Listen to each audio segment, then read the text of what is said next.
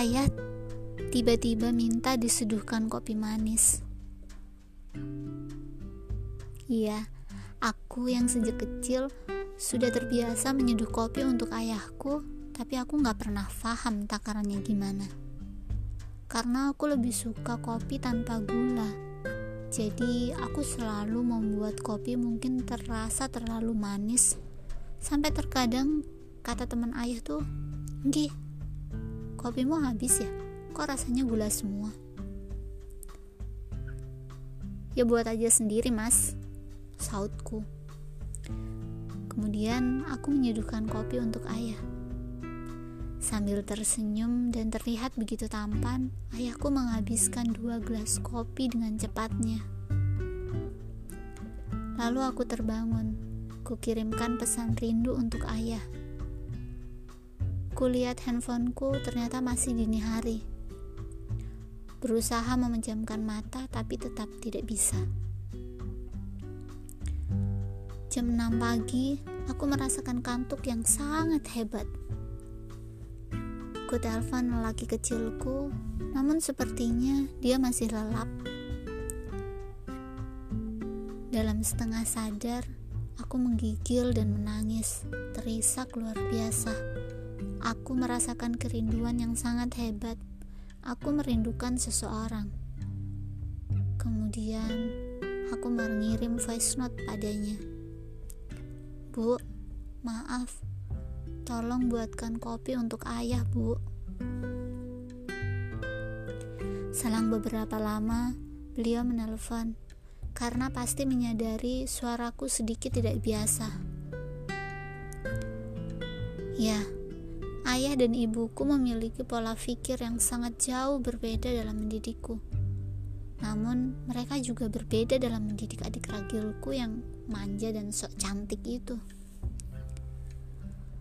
Dulu, ibuku selalu berkata, anak perempuan harus berani. Nggak apa-apa sekolah yang jauh, nggak apa-apa kuliah yang jauh, nggak apa-apa sekarang nggak bisa masak. Suatu saat pasti bisa masak sendiri. Suatu saat kalau sudah menikah, sudah punya anak, berumah tangga, pasti bakal bisa mengerjakan pekerjaan rumah tangga. Berbeda dengan ayahku. Bagi ayah, anak perempuan harus selalu ada dalam dekapannya. Dia menangis di sudut kamar sendirian karena harus melepasku. Gak apa-apa, dok, ada ayah. Ada apa-apa bilang, Jangan lupa makan biar gak kambuh. Gak punya pulsa bilang. Tapi aku adalah anak perempuan yang angkuh.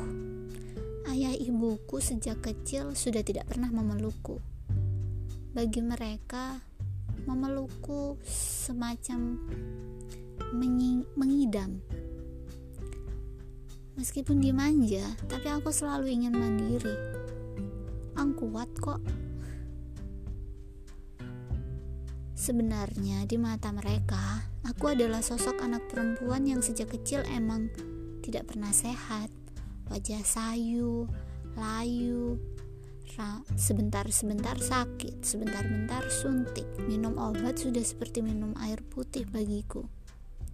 Kekhawatiran mereka, aku mudah diperdaya dan ditindas oleh yang lain. Tapi ya, aku kuat aku kan songong ya emang iya sih.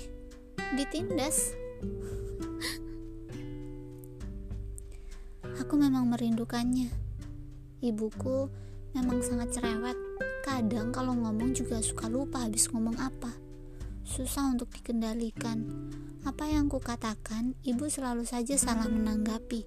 Ibu selalu lebih percaya dengan orang-orang yang berkata manis dan parahnya, gak cukup sekali dua kali orang-orang berhasil memberdayai ibu.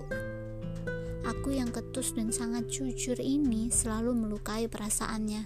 Hmm, sangat persis dengan anak perempuannya yang paling kecil itu. Bagi mereka berdua, aku adalah anak dan kakak yang paling galak. Namun bagaimanapun, dibandingkan adik perempuanku, aku jauh lebih beruntung karena memiliki orang tua yang utuh Meski sering dimarahin, apalagi nggak boleh bangun siang. karena aku adalah sosok makhluk yang mari kita tidur awal dan bangun paling siang.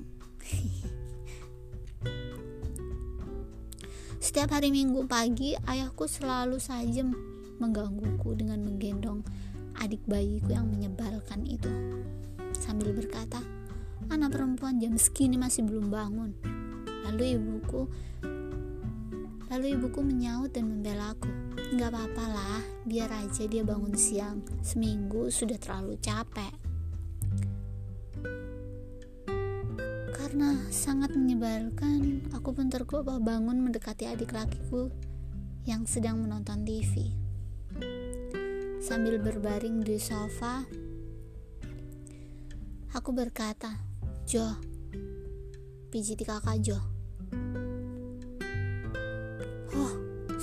Iki ganggu Sahutnya Namun tangannya Meraih kakiku Lalu memijit. Oh, oh. Iya Semut adalah panggilannya untukku. Karena baginya aku sekecil semut dan galak. Di keluarga aku mereka semua bertubuh tinggi besar. Hanya aku yang paling kecil. Ya hanya besar tapi nggak tinggi tapi aku dan adikku menangis bareng kok kalau nonton film India. Serius. Aku memanggil adik laki-lakiku dengan panggilan sayang Paijo dan adik perempuanku dengan B Bairah B atau bule. Kemudian adik perempuanku itu dia bakalan ngomel 24 per 7 ya kan.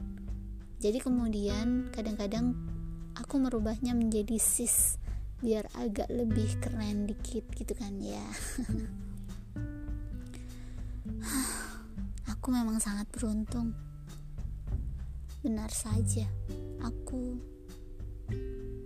sangat rindu